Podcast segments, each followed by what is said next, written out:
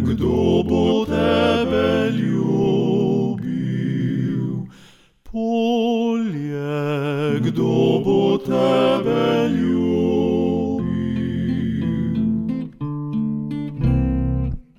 Spoštovane poslušalke in spoštovani poslušalci, naš gost je državni svetnik Branko Tomažič. Gospod Branko, lep pozdrav. Dan. Smo na koncu letošnjega leta, ampak letošnje leto je za vas zelo pomembno. Postali ste namreč Evropski vitez vina. Eh, lahko rečemo, da gre za veliko čast, v kateri sanja marsikateri vinogradnik. Čestitke za to imenovanje eh, in najprej prošnja, kako eh, vi to sprejemate. Ja, jaz sem, če hočeš postati član Evropskega reda Vitezov vina, to je Ordo Questris Vini Evrope. Naš slogan je tudi in honorem dej in honorem vini ali uh, v čast Bogu, v čast vinu. Uh, tu je red, ki se je leta 1333 ustanovil, potem ga pa papež tisoč, leta 1468 za papežko bulo potrdil in potem je tu zamrlo. In je se pa uh, v železnem, tu je Endensteinu, leta 84 v tem stoletju ponovno obudili in mislim, da je zdaj je kar v enih 20 eh, evropskih državah eh, delujoč. Najbolj aktivni so Avstrijci in normalno Slovenci smo zraven. Če hočeš postati član, te, eh, te mora nekdo povabiti. Vinski atlas, kjer, kjer nam nekako pre, predstavlja naše delovanje, naš red, moram reči, da to je deset božjih zapovedi, razširjeni na področju še vina, kulture, potem tudi uh, čaščenje vina, žlahnenje vina, po drugi strani pa, da smo tudi mi eh, nekako uh, bolj, uh, rekel, zgledni drugim, da, da smo podporniki, dobrotniki, tudi da spoštujemo določene norme, normalno, da podpiramo skupnost evropsko. Dostojanstvo in tako naprej. Tako da, ta red je zelo dober, je pa tako, tukaj imamo redovne stopnje. Aha. Najprej si hospes, svetnik, svetovalec, eh, sodnik vinski, in potem po nekaj 15 letih, če si eh, delujoč in če delaš, postaneš ta uh, vitez. Ne? In meni je ta čas doletela letos, moram reči, da, da sem vesel, da sem v, v tem redu. Uh, čeprav je naša razmišljanje, da delamo neodvisno od religije, politike, gospodarstva, uh, moram reči, da je krščanstvo v tem, v tem našem redu zelo, zelo prisotno. Uh, če imamo te razne uh, uh, shode, se zmeraj, recimo, zdaj smo imeli v Unijski dvorani. Uh, Ocenjevanje uh, Savinjone, lani so bile penine, predlani je prijel tudi blagoslov vina, preden gre v ocenjevanje. Uh, Eh, ne na zadnje pa imamo to veliko mašo, eh, nekje, ki se vsi naj bi se zbrali v eni od stolnih crkv po, po Sloveniji, ker vsak konzulat eh, nekako ima, ima na toliko let, na šest, na šest let mora pripraviti to, to, to slovesnost. Imamo z mašo in potem pa se tudi sprema nove člane v vse te rodove ali pa poviške. Dočim z vite svina moraš biti pa imenovan na avstrijskem, to se pravi v, v železnem. Eh, in tam je bila leto zelo lepa slovesnost, ki se je tudi začela z Mašo. Ja, tudi z Mašo, veliko Mašo v samostanu, gromozanski samostan, lepa crkva, eh, svečanost na visokem navoju, potem prije tudi povorka za vstop, eh, izstop od Maše. Moram reči, da sem vesel ali pa še bolj počaščen, ker spoštujemo ta, to virsko noto.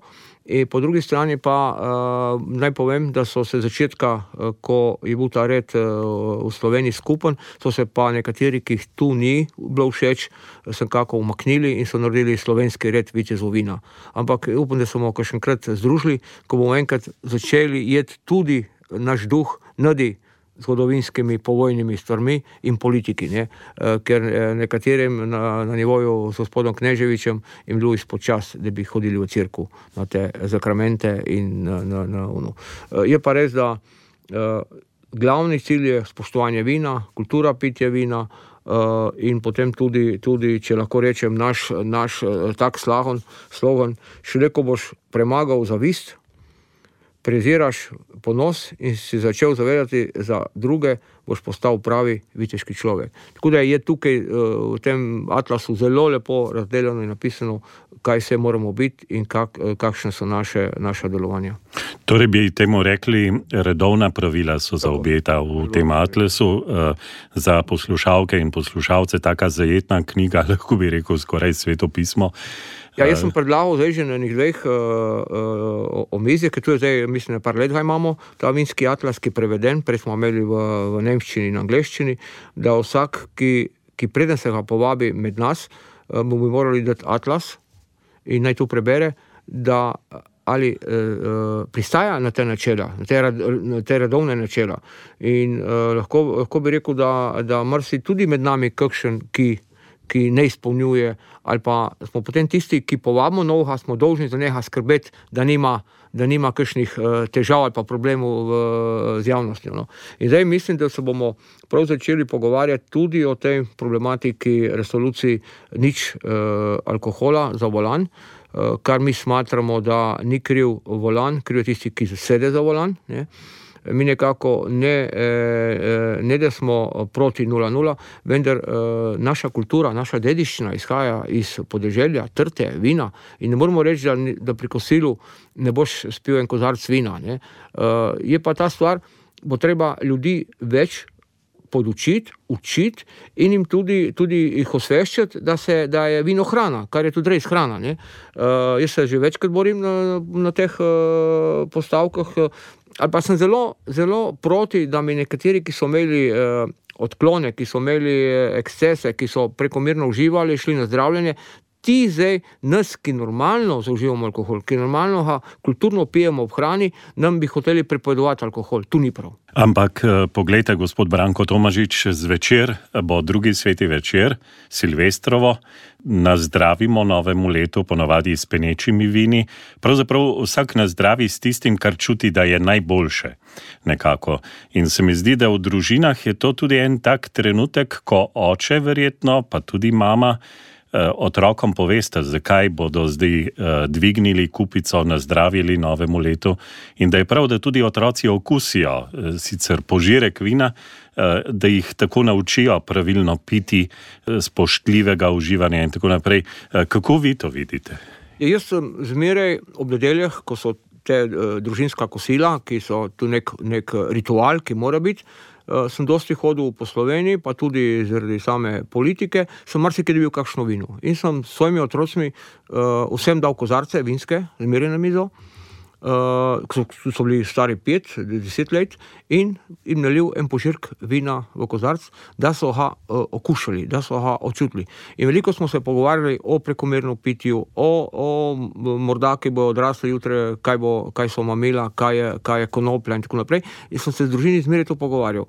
In uh, če lahko rečemo, moj moto je bo zmeraj ta, da se zmeraj za nekaj pridobitev, ali tu na kmetiji, ali prišel nov član, ali je ali, ali smo nekoga, uh, bi rekel, od njega poslovili, ali je bila Ohset, ali je bila uh, Birma, ali, ali vse to obhajalo, smo zmeraj nazdravili v čas, to je naša tradicija, to je naš, to je naš ritual.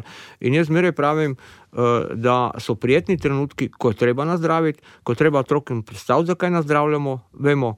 Glede na starost, koliko jih lahko damo.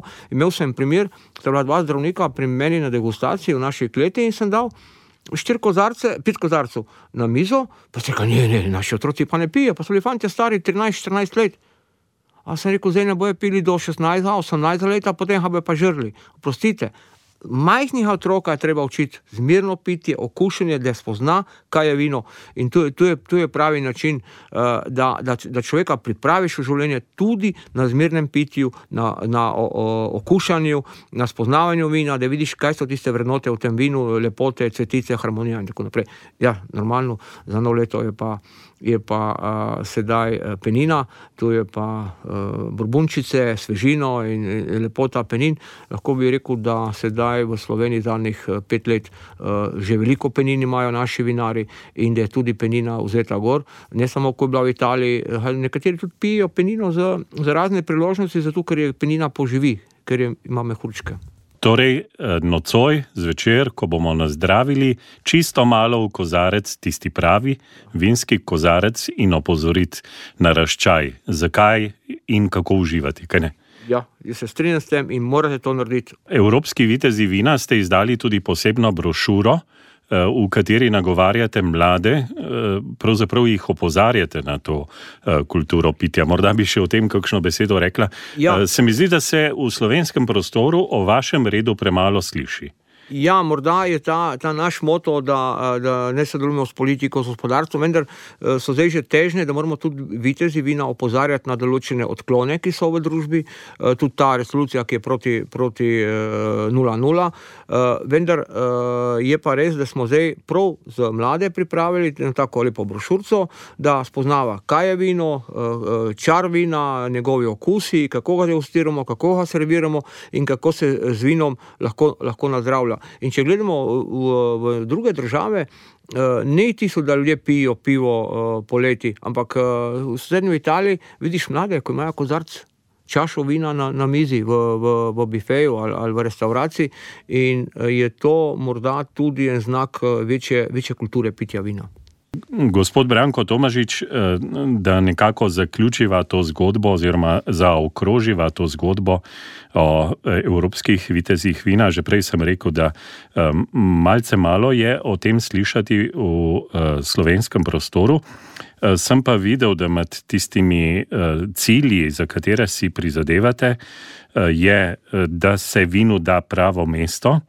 Eh, da se prizadeva za kvaliteto življenja, eh, kjer bodo lahko tudi trenutki, ki bodo primerni za uživanje vina, torej da bomo imeli čemu nazdraviti. Eh, predvsem pa ste zelo zavezani tudi delu za mir. Torej, ne zato, da bo vojna, ampak zato, da bi vladal mir.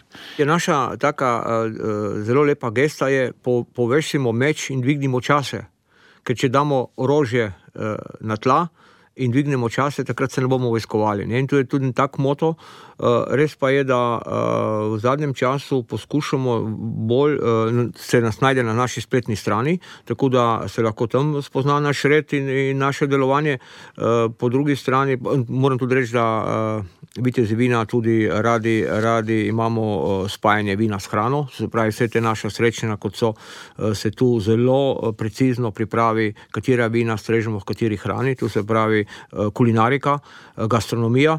Uh, in ne na zadnje, pa bom rekel, da tudi se nas pa zdaj, tudi nas, vidite, zovina, ker smo nekateri eh, vinogradniki, vinari v, v člani, pa iz vseh stanov eh, imamo od zdravnikov, poslovnežev, podjetnikov do, do, do duhovnikov. Mi imamo vsaka legatura, ker šest legatur je v Sloveniji, konzulat je centralno, senat je v, v, v Einderstanu, ne, eh, ima tudi svojega duhovnika ki, kot sem rekel, vse te naše svečanosti eh, morajo biti eh, nekako začnejo z blagoslovom, kar je, kar je neka eh, lepa gesta in te strinjam. Je pa res, da bomo morali zdaj več narediti na tej problematiki opuščanja vinogradništva, o, o premajhni obnovi. Tukaj se že nekako vključujemo in upam, da bomo tudi mi začeli o tem opozarjati družbo in eh, pristojne, ki nekako ne slišijo, eh, ker nam, nam eh, ne moramo prenašati sedeljnih pravic, ne moramo, ne moramo zasedati saditi novih vinogradov, ker je tu vse bruselska direktiva, kar ni res. Mi, mi ne znamo ščititi eh, svojega nacionalnega interesa. Ne? In upam, da bomo tudi vi tukaj dodali neko točko pozitivnosti.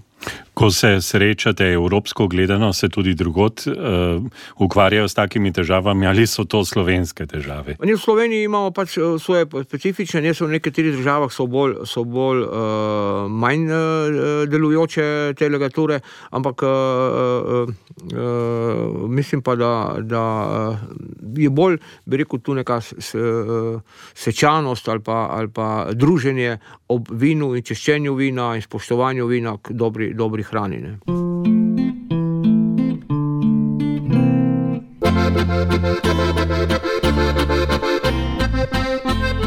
Na radiju Ognišče poslušate kmetijsko oddajo.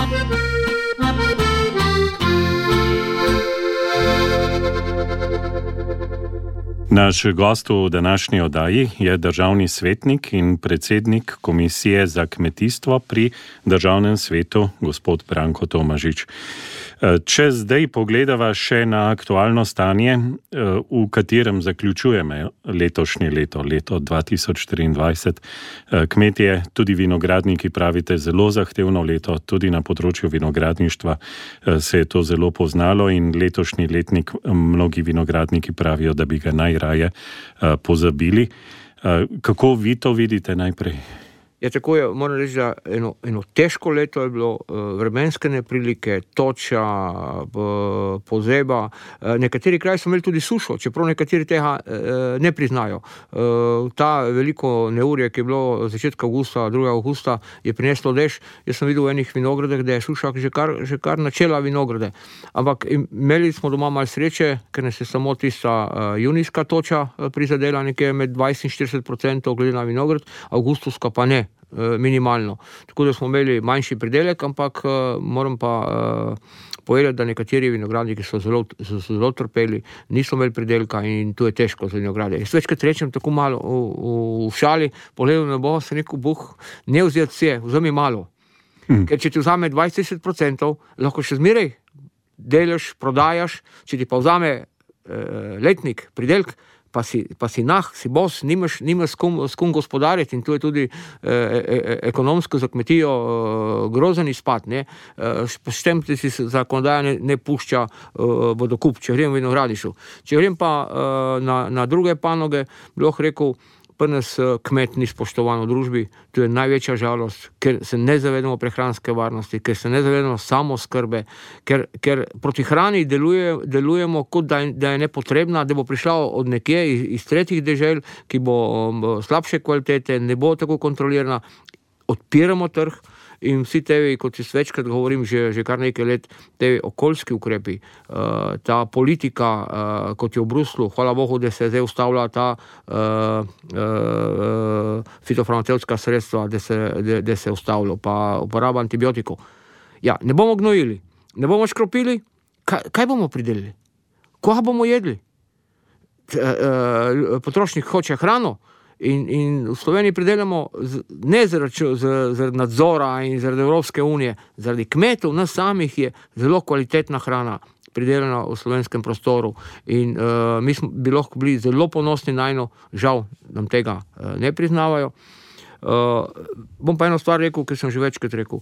Mi v zadnjih 10-15 letih nimamo predsednika vlade, ki bi razmišljal, kaj pomeni prehranska varnost, kaj pomeni samo skrba hrana postaja strateška, strateško orožje. To je rekel moj kolega Mavčec pred eh, šestimi letmi in jaz to večkrat ponavljam. Strateško orožje, tu vidimo v Ukrajini, tu vidimo v Palestini.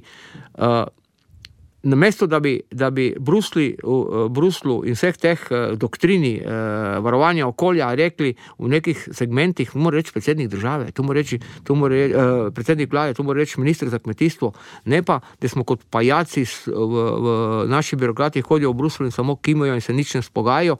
Ne upoštevajo pa nas kot, kot kmetijsko-gospodarsko zbornico, sindikat ali pa tudi, tudi nas, ki, ki delamo v politiki. Omenili ste ministra, gospod uh, Branko Tomažič, v novo leto stopamo brez ministra. Obljubljen je bil že do konca novembra. Ja, to je ena, res ena velika žalost. Jaz sem, jaz sem celo napisal na Facebook, ali ni prva dama dala, dala soglasja z Vojka Damiča, ker je pač eh, ni vegan, ker ni e, zaščitnik narave, ljubitelj živalic. E, to, je, to je groza, da se mi igramo s tako pomembno stvar. Ma, hrana je prva stvar, vse gre na kruh. Tank, raketa, uh, del, uh, če, če hrane niso, vse ustavi. In mi, mi se delamo norca iz tega. In tu ni dobro. Uh, zdaj pa ne vem, ali služimo raznim, raznim multinacionalkam, ker uh, jaz vidim, da v Sloveniji je preveč globalistov. Uh, in da bo multina, multinacionalke eh, nam uvažala hrano. Na drugi strani smo zdaj, je državni zbor podprl spet, da se bo uvajalo, da bomo lahko pri nas sadili eh, genske rastline. To, to je noro. Mi smo edina oaza v Evropi, ki bi bila čista, ki bi bila, bila sonaravno uh, naše kmetovanje na sonaravni način. Ampak ne, mi, če plazmo pred tujo birokracijo, pred tujci, ki jih kapitalsko uničujejo. In bo še enkrat dodal, vsi okoljski ukrepi v, v luči, v luči naravnih, naravnih okoljskih ukrepov so narejeni ne zato, da bomo mi bolj imeli čisto in lepo naravo, ampak zato, da bomo zmanjšali pridelavo hrane. To pomeni, da bomo odvisni od uvoza. Če se vprašamo, danes, koliko funkcionarjev in državnikov je bilo v Dubaju na tej konferenci uh, s svojim letalom ali z rednim letalom. Ampak govorili so pa vsi, kako moramo, kaj moramo. Vsak mora pri sebi narediti. In mi, kmetje, uh, smo zašči, uh, v zadnjem času zmeraj bolj ščitimo naravo. Manj porabo fitofarmacevskih sredstev, manj poraba uh, antibiotikov, uh, naše reje so dokaj so naravne. Vete, kmetje, če preživeti, ne more uh, na pamet škropiti, more, more strokovno pristopiti, uh, more čim manj porabiti, da mu na koncu uh, eko, ekonomika pokaže plus, uh, plus računico, drugače je, je po njemu. Tako da uh, ta uh, negativnost do slovenskega kmeti, kmetijstva je pretirana tu strani okoljevarstvenikov, da ne bomo govorili o kravi, ki smo potem celih imeli dobre zna, znanstvenike, ki so povedali, kaj pomeni ta metan od, od goveje živine in da je krava največji osneževalc, ne pa letala, ladje, pa transportne. To je noro, ampak gledajte, kako lahko prepričajo narod, Evropo, ljudi, da je žinoreja največji osneževalc. In temu se počasi moramo upreti. In brez, če se ne bomo začeli upirati takim dogmam, bomo jutri lačni. Ampak vse skupaj se začne že v šoli, bi lahko rekli. Uh, gospod Branko Tomažič, uh, držali ste besedo, zdaj je dana ustavna pobuda glede zakona o dobrobiti živali. Kaj pričakujete od ustavnega sodišča v prihodnih mesecih? Ja, jaz mislim, da bo ustavno sodišče prisluhnilo uh, tej ustavni pobudi, ker tak zakon je čisto skropucalo, je narejen prav na, bi rekel, ne po vojnem času. In narejen tako, da, bo, da bi lahko odzeli marsikatero žival. In jo, in jo potem si jo prerastili. Tu ne more biti. To je, to je čista nacionalizacija. Jaz sem rekel, to je čista kraja in ta zakon ne more piti vode, ker uh, ne, more, ne more tudi uh, na tak način uh, delovati, da mi neke uh, poblaščence uh, jim damo moč z 40-urnim tečajem in bojo oni nadzirali uradnega veterinarja, ki vemo, kakšne dolge šole je imel, in tudi izničimo ta uh, inštitut uh, inšpektorja, uh, ker je pristojen za, za, za te stvari. Tako da jaz upam, da bomo tukaj uh, dobili pozitivno, ampak žal bo trajalo par let. Ne? Ja, in kaj se lahko živinorejo zgodi v par letih? Ja, če jaz sem rekel na tej tako izredni seji, smo imeli v državnem svetu, smo jo sklicali s gospodom Medvedom, ker nam ni šlo to skupaj. Da danes, ki je bil toliko dežja, na tisti dan se neko lahko par tavžent živali odzamemo. Ker je posod bilo uh, težko, težko, težko uh, imeti živino na suhem, ker vemo, da je pri napajališčih, pri krmiščih. Po eni strani smo živino želeli dati iz hlevov, da bo v sonaravnem uh, naravi, v sonaravnem kmetovanju, po drugi strani pa, pa potem zdaj preziramo te rejce, ki so tu naredili, ker zdaj imamo veliko rej, ki so krave dojile in so 24 in 365 dni zunaj. Ne? In je treba res imeti uh, trdo podlago, ni, da ni prišlo do takih uh, mlekuš. Je pa res, da gospod Možgan ni imel zgledne reje, ampak zato imamo inšpektorja, ki bi dal odredbo o ureditvi. In ta proces bi potem tekel. Ne moreš pa tu kar ukrsti živino na tak način. Ta zakon je neskladen z, z tolikimi členi ustave in je neprimeren.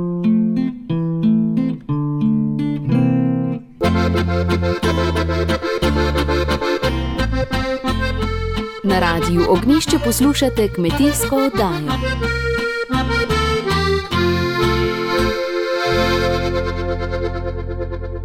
Gospod Branko Tomažič, čisto hipotetično vprašanje. Ko je bil zakon obravnavan torej pred samim sprejemanjem v državnem zboru, je zakonodajno-pravna služba državnega zbora na kar nekaj stranih nanizala eh, vse, kaj je narobe, tako zakonodajnega, kot tudi ustavnega eh, gledišča. Eh, uslužbenka te zakonodajno-pravne službe je te pripombe brala pol ure. Če bi zdaj ustavni sodniki rekli, da je vse v redu, kaj bi to pomenilo?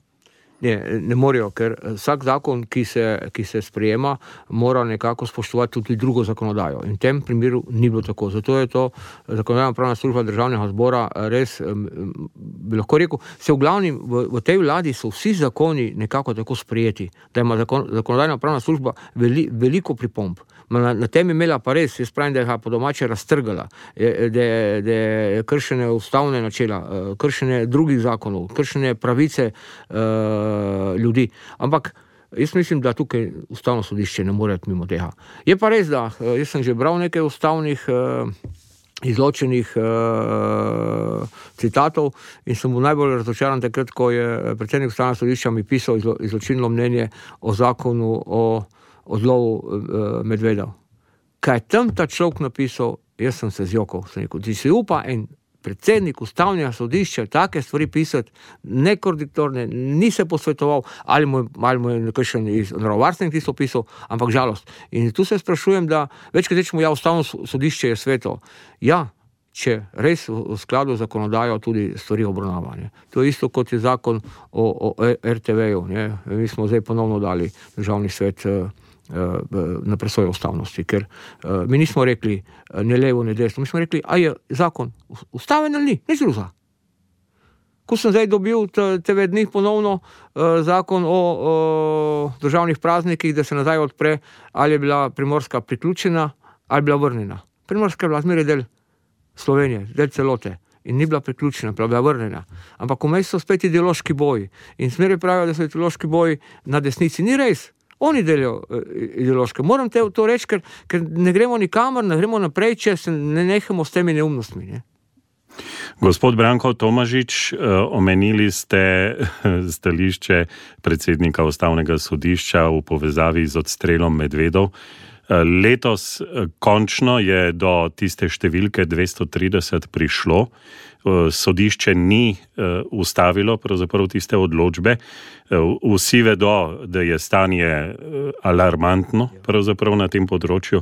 Zelo ste si prizadevali za rešitve, tudi na področju lovne divjadi, jelenjadi in tako naprej, ki povzroča velike škode v samem gozdu. Eh, mladovja skoraj ni več, pravijo lastniki gozdov, tudi gozdari na to opozarjajo, eh, konec koncev so pa tudi velike škode v poljedelstvu. Eh, kako vidite to področje? Pred dobrim tednom dni so lastniki gozdov se zbrali in govorili o tem, kako pravzaprav jim na mehek način kratijo lastninsko pravico. Ja, res je. Pravica nam je posod kršena. Ali je tu natura, ali so tu varovani gozdovi, ali je OTT ali so uh, razni, razne tebe parki. Ampak problem je ta, da se nikoli nismo poglobili v, v te zadeve, in v zadnjem času, pa hvala Bogu, da to ne preme, začnemo pisati presojo ustavnosti v, v, za tebe varovane gozdove. Pripravljamo presojo ustavnosti na, na odškodnine uh, po, po zvereh. Res je. Eh, kmetijstvo je tukaj samo. In, in spet gremo na ta problem eh, eh, naravovarstvenikov in ljudi, ki se hočejo na ta način eksponirati in so ljubitelji in ljubitelice, vendar zadnje moramo povedati realne ljudi, ki bi o tem odločili. Mi imamo zelo težk položaj z ministrstvom za naravne vire in prostor, ker ni, ker ni posluha, ker zmeraj zagovarjajo svoje stvari. Ampak gledajte, jaz se z Vovka in Medveda borim zdaj že, rekel, 20 let že prej na zbornici, potem zdaj kot državni svetnik drugi mandati in razne sestanke imeli, in hodim tudi v, v, v to skupino. Ampak zdaj so dali eh, poročilo, da se je eh, odlovilo 230 medvedov v skladu z evropskimi direktivi. A te evropske direktive pred dvemi letmi, petimi letmi, desetimi letmi niso? So. Ampak skozi nas zavajajo in zamegljujejo. Zato bomo zelo mogli biti v zbornici, uh, uh, imeti, imeti pravno pomoč. Mi smo mogli uh, začeti pravda z državo, ker nas ljubi, ker nam, ker nam uh, jemlje, jemlje našo pravico, lastninsko, bilo katero, in dokazovati, da stvari niso, uh, niso pravno pravilno speljane. In morda bo ta ustavna presoja prva, ampak bo še naslednje. In ne na zadnje, tudi v zbornici bo treba kar določen denar nameniti za pomoč pravni, pravniku ali pa študije ali pa pripraviti tudi pravne podlage, da bomo varovali našo lastnino. Ker jaz ne vem, zakaj, zakaj je toliko neke hočejo priti do, naše, do našega premoženja. Ker želimo te varovane gozdove, to je čista, čista razlaščanje se, to, se ne moreš gospodariti z njimi. Davek plačuješ, lastnino imaš in zdaj nekako že ponujajo eh, majhna, majhna sredstva, da ljudje prodajo, ker če ne more z njim gospodariti, eh, ne more. No. Eh, pri zvereh je pa hujša stvar. Jaz sem to že večkrat rekel. Volk se ga ščiti, zato da se bo uničevalo kmetijstvo. Kmetijstvo na podeželju, da se bo kmet začel umikati volku. Ker volk, eh, eh, človek in volk sta si kontradiktorna, sta si nasprotnika. Če bo volk, ne bo, ne bo paše, ne bo drobnice, ne bo ovc. Eh, Lete na Kočevskem, ko se je volk začel širiti, ni več drobnice. A bomo pustili naše Alpe uh, brez drobnice, kakšne pa bodo? Ker zdrobnice gre potem na, na osle, potem gre na, na, na, na, govedo, gre na konje, ker vani so zdaj v tropah napadijo tudi velike, velike živali. Včasih, ko so bili razni somotari, so napadli samo uh, drobnico. No, in, In, a bomo hodili z varnostniki po naših prelepi, eh, prelepem gorovju, eh, gorništvo, eh, bo, bo zamrlo, bo zapadlo. Eh, lejte, to, to je noro, kaj nekateri ljudje, kot je Alpe, Adria, Grim in, in, in, in podobnim, kako eh, uničujejo slovensko podeželje slovenskega kmeta. Cilj je pa, jaz pravim, samo eden, eh, multinacionalkam odpreti, da v Slovenijo pripeljejo hrano, eh, mi pa našo kvalitetno hrano bomo opustili. Ta agenda je zelo črna, bi lahko rekli. Eh, gospod Branko Tomožič, eh, ko sva že pri zvereh, pri gozdovih, mi prihaja na misel, misel eh, enega kmeta, ki je rekel, lastnina ima gospodarsko, socialno in ekološko funkcijo.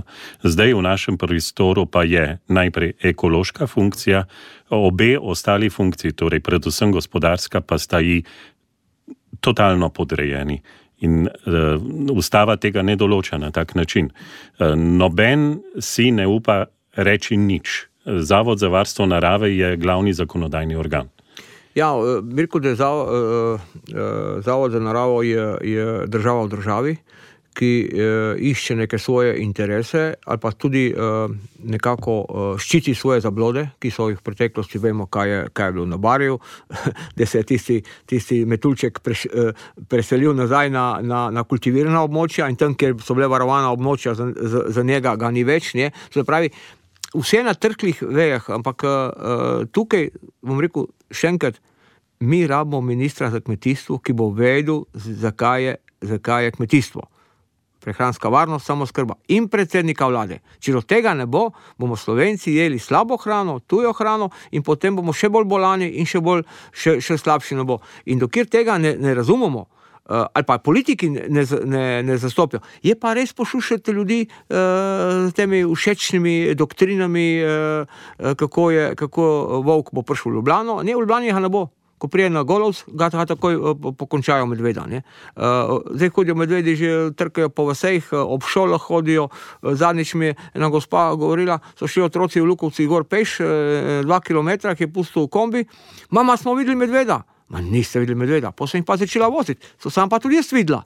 E, kam bomo prišli? A bomo imeli otroke zaprte v, v, v, v, v getu, a, a bomo delili ograje okrog vsi?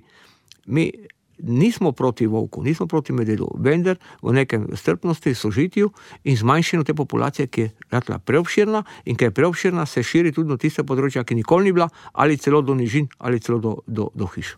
Pred nami je torej zahtevno leto, lahko rečemo, na vseh področjih se bo potrebno boriti naprej. Uh, upam, da bo zmagala zdrava kmečka pamet, kot rečejo, čeprav mnogi se ob tej besedni zvezi žal nasmihajo. Uh, gospod Branko Tomažič, kaj bi zaželeli našim poslušalkam, poslušalcem, tistim, ki kmetujejo in tistim, ki eh, samo prisegajo na zdravo slovensko domačo hrano. Jaz bi tako rekel, eh, moramo imeti v novem letu upanje, moramo biti še bolj povezani, še bolj enotni, se podpirati, ne biti uh, negativni do tistih, ki se izpostavljajo, ampak jih podpirati in tudi, tudi mi smo še enkrat rekli, spoštovani kmetje, vse se ureja v parlamentu, ne izven parlamenta. Mi kmetje moramo priti v parlament. Mi že eh, tri mandate nimamo nobenega kmeta, nimamo človeka, ki bi, ki bi eh, imel voljo, ki bi, ki bi znal eh, povedati, ki bi, ki bi nastopil. Brez tega ne bo šlo. Ko smo se iz Kmečke zveze preimenovali v Ljudsko stranko, sem nekako nasprotoval, ker sem rekel, da moramo to ostati stanovska organizacija kmetov, pa sem dobil takoj uh, opasko kje bomo reševali probleme, pred parlamentom ali v parlamentu. Zato moramo si več zaupati, moramo ljudi, ki so sposobni kandidirati, ne važno, jaz, jaz se ne ukvarjam s katero stranko. Kmetje moramo priti v parlament, če moramo reševati naše težave, naše pro probleme. In uh, jaz bi vsem zaželel vse dobro v, v, v, v naslednjem letu, veliko zdravja, veliko, veliko volje, upanja, ker brez upanja pa ne gre. In nekako, dajmo se dobri ljudje dobiti skupaj, dajmo dobri ljudje se podpirati in iskati rešitve, ker drugače ne bo bo več Slovenije, ne bo več Slovencev, ker vidimo, kaj se dogaja, da, da Ljubljana ni več varna zvečer, kaj smo si to želeli. Gospod Branko Tomažič, hvala lepa za pogovor. Vse dobro tudi vam, pa blagoslova. Hvala.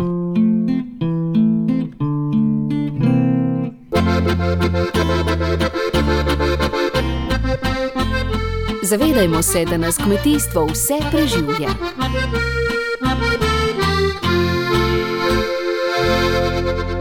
Gospa Helena Žučko, leto se počasi izteka, leto, ki je bilo, lahko rečemo, napeto, nabito, pred kmete postavilo mnoge prepreke, še posebej pri vas na Barju.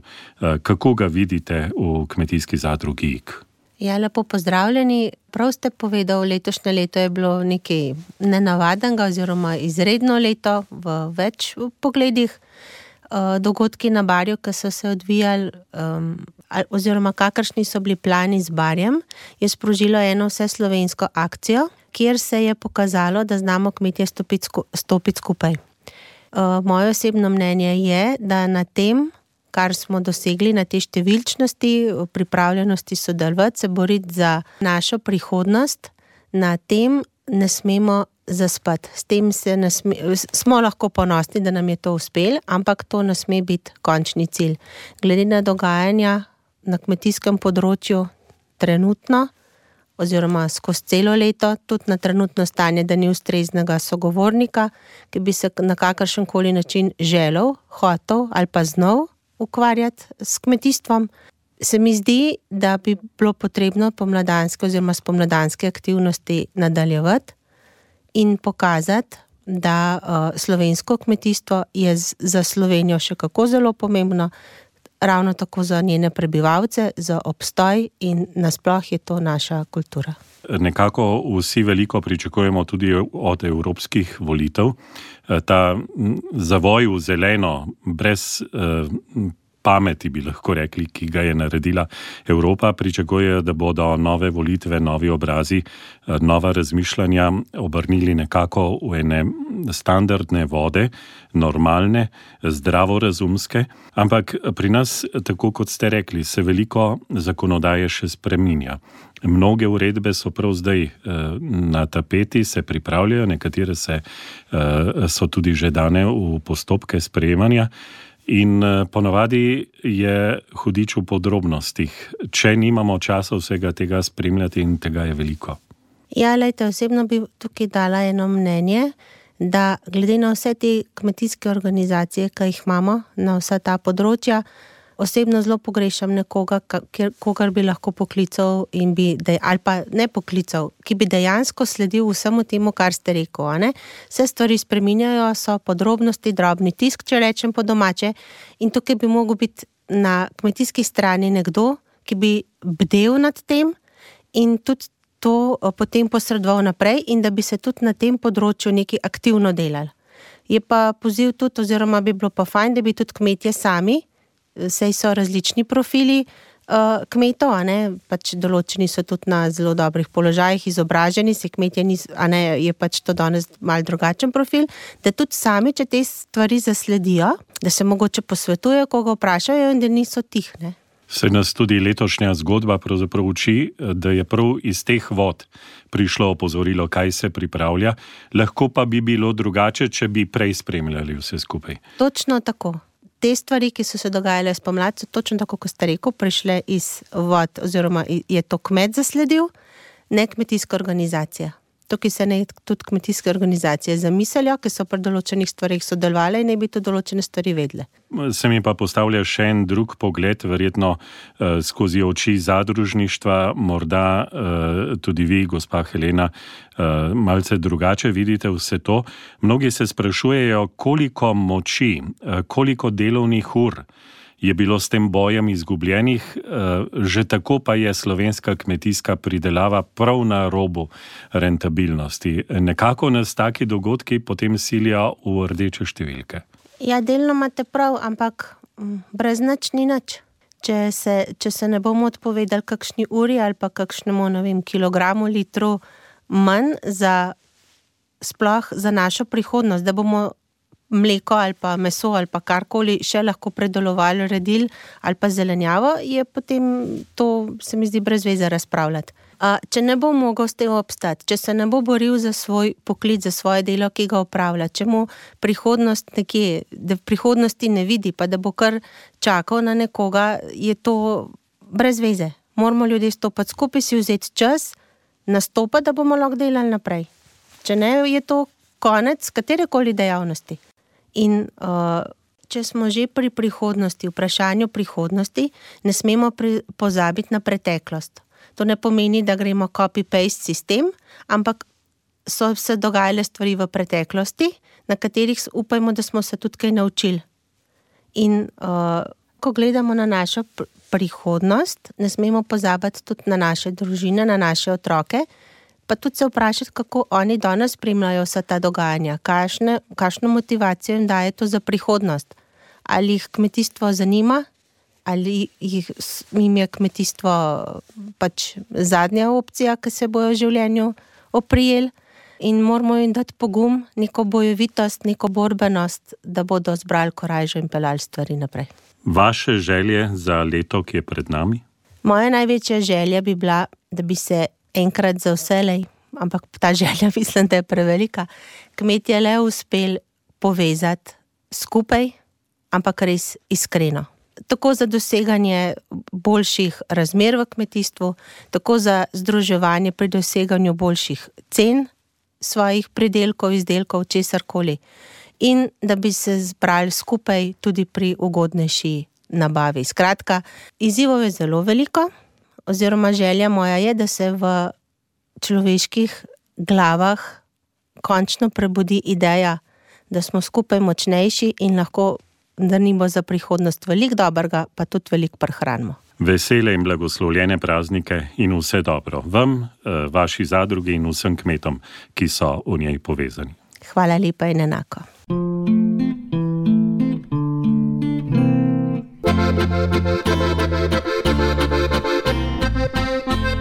Zavedajmo se, da nas kmetijstvo vse preživlja.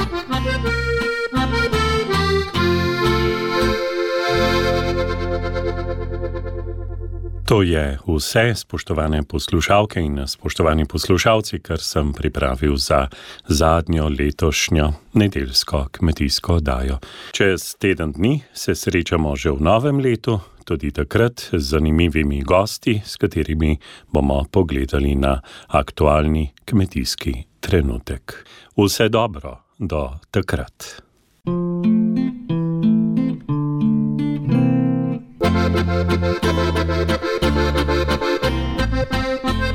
Zavedajmo se, da nas kmetijstvo vse preživlja.